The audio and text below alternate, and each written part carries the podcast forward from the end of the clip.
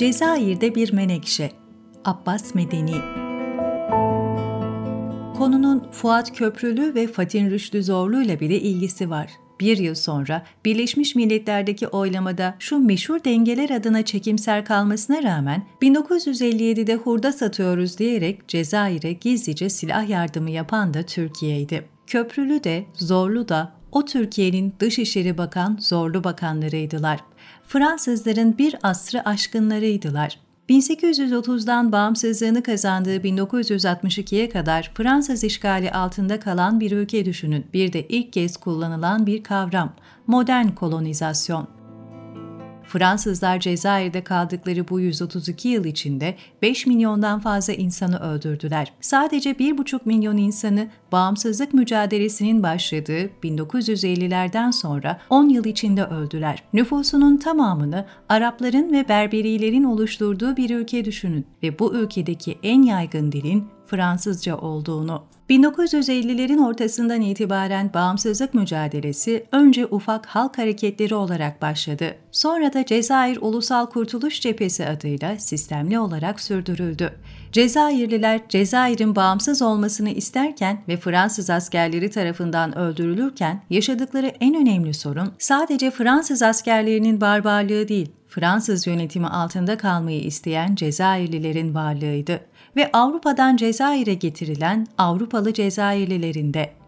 Ahmet bin Bella'yı burada anabiliriz. Fransız işgali fiziki olarak sona erdikten sonra kurulan Cezayir Cumhuriyeti'nin ilk başkanı o oldu. 1991 seçimlerine kadar ülkeyi yönetecek olan Ulusal Kurtuluş Cephesi olan Ulusal Kurtuluş Cephesi'nin ilk başkanıydı ama başkanlığı uzun sürmedi. Bir darbeyle görevden uzaklaştırıldı.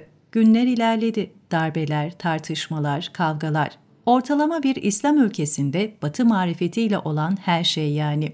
Fransa, Cezayir'in 1962'de bağımsızlığını kazanmasına engel olamamıştı elbette ama bu bereketli sömürgesini bir günde yerel halka bırakacak da değildi. Devşirme adamlarıyla bütün Cezayir dişlilerinin Fransızlar lehine döneceği bir çark inşa edip öyle gitti. Özellikle kültürel hegemonyasına ses eden yoktu. Ta ki 1989'da İslami Selamet Cephesi'nin kurulmasına kadar. Abbas Medeni işte burada karşımıza çıkıyor yoksulluğa ve Ulusal Kurtuluş Cephesi rejiminin krallık idaresine karşı özgürlük isteyen İslami Selamet Cephesi Fransız işgalinin her anlamda sona ermesi için başlattığı çalışmalarla Cezayir'in, Cezayirlilerin Cezayir kültürüyle yönettiği bir cumhuriyet olmasını talep ediyordu. Parti 1989'da kuruluşunu ilan ettikten sonra 1990'daki erken yerel seçimlerde oyların çoğunluğu almayı başarmıştı. 1991'deki genel seçimlerde ise milletvekillerinin %80'i kazanmıştı.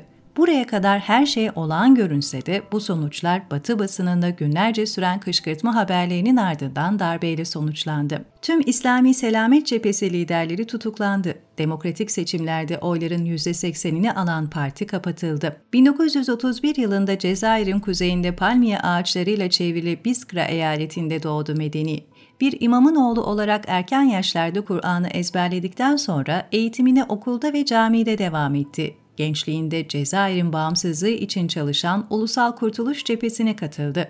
Cezayir Kurtuluş Savaşı'nın daha başlangıcında 1 Kasım 1954'te Fransızların en etkili propaganda aracı olan radyo binasının havaya uçurulmasına öncülük etti. Fransız askerlerince tutuklandı ve 8 yıl işkence gördü.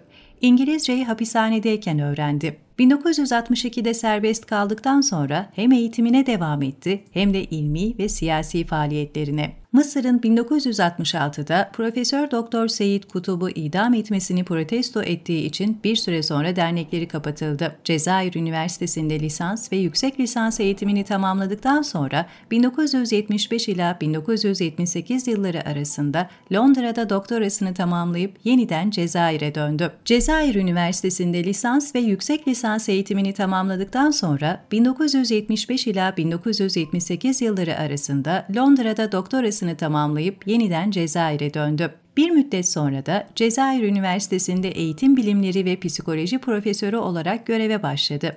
Tüm bu zaman zarfında Cezayir'in tam bağımsız bir ülke olması için çalışan Medeni, 1982 yılında üniversitede verdiği bir konferansta ülkedeki Fransızca hakimiyetinin sona erdirilmesi ve yeniden Cezayir kültürünün yerleştirilmesi çağrısı dolayısıyla tutuklandı ve iki yıl hapis yattı. 1984'te serbest kaldıktan sonra hem hükümete yönelik eleştirilerini hem de siyasi bağımsızlık faaliyetlerini sürdüren Medeni, nihayet 1989'da hükümete yönelen toplumsal eleştirilerin odağı olacak olan İslami Selamet Cephesi'nin kuruluşuna öncülük etti. O, sakalı ve takkesiyle 5 milyonu öldürülmüş bir halkın ferdi olarak haklı öfkesiyle batıda çizilen bütün fotoğraflarda radikal kökten dinci ve şiddet yanlısı bir barbar olarak resmediliyor.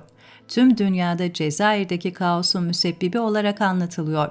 Nedenini biliyoruz tam anlamıyla ve gerçekten bağımsız bir Cezayir istediği için. Doğalgaz şirketleri ve petrol yatakları Fransızlar lehine çalıştırılmasın dediği için cezalandırıldı, hapsedildi ve sürgün edildi ve 24 Nisan 1919'da tedavi gördüğü Katar'da vefat etti. Geride her şeye rağmen bağımsız bir Cezayir ve Afrika'da bir özgürlük ve adalet ateşi bıraktı.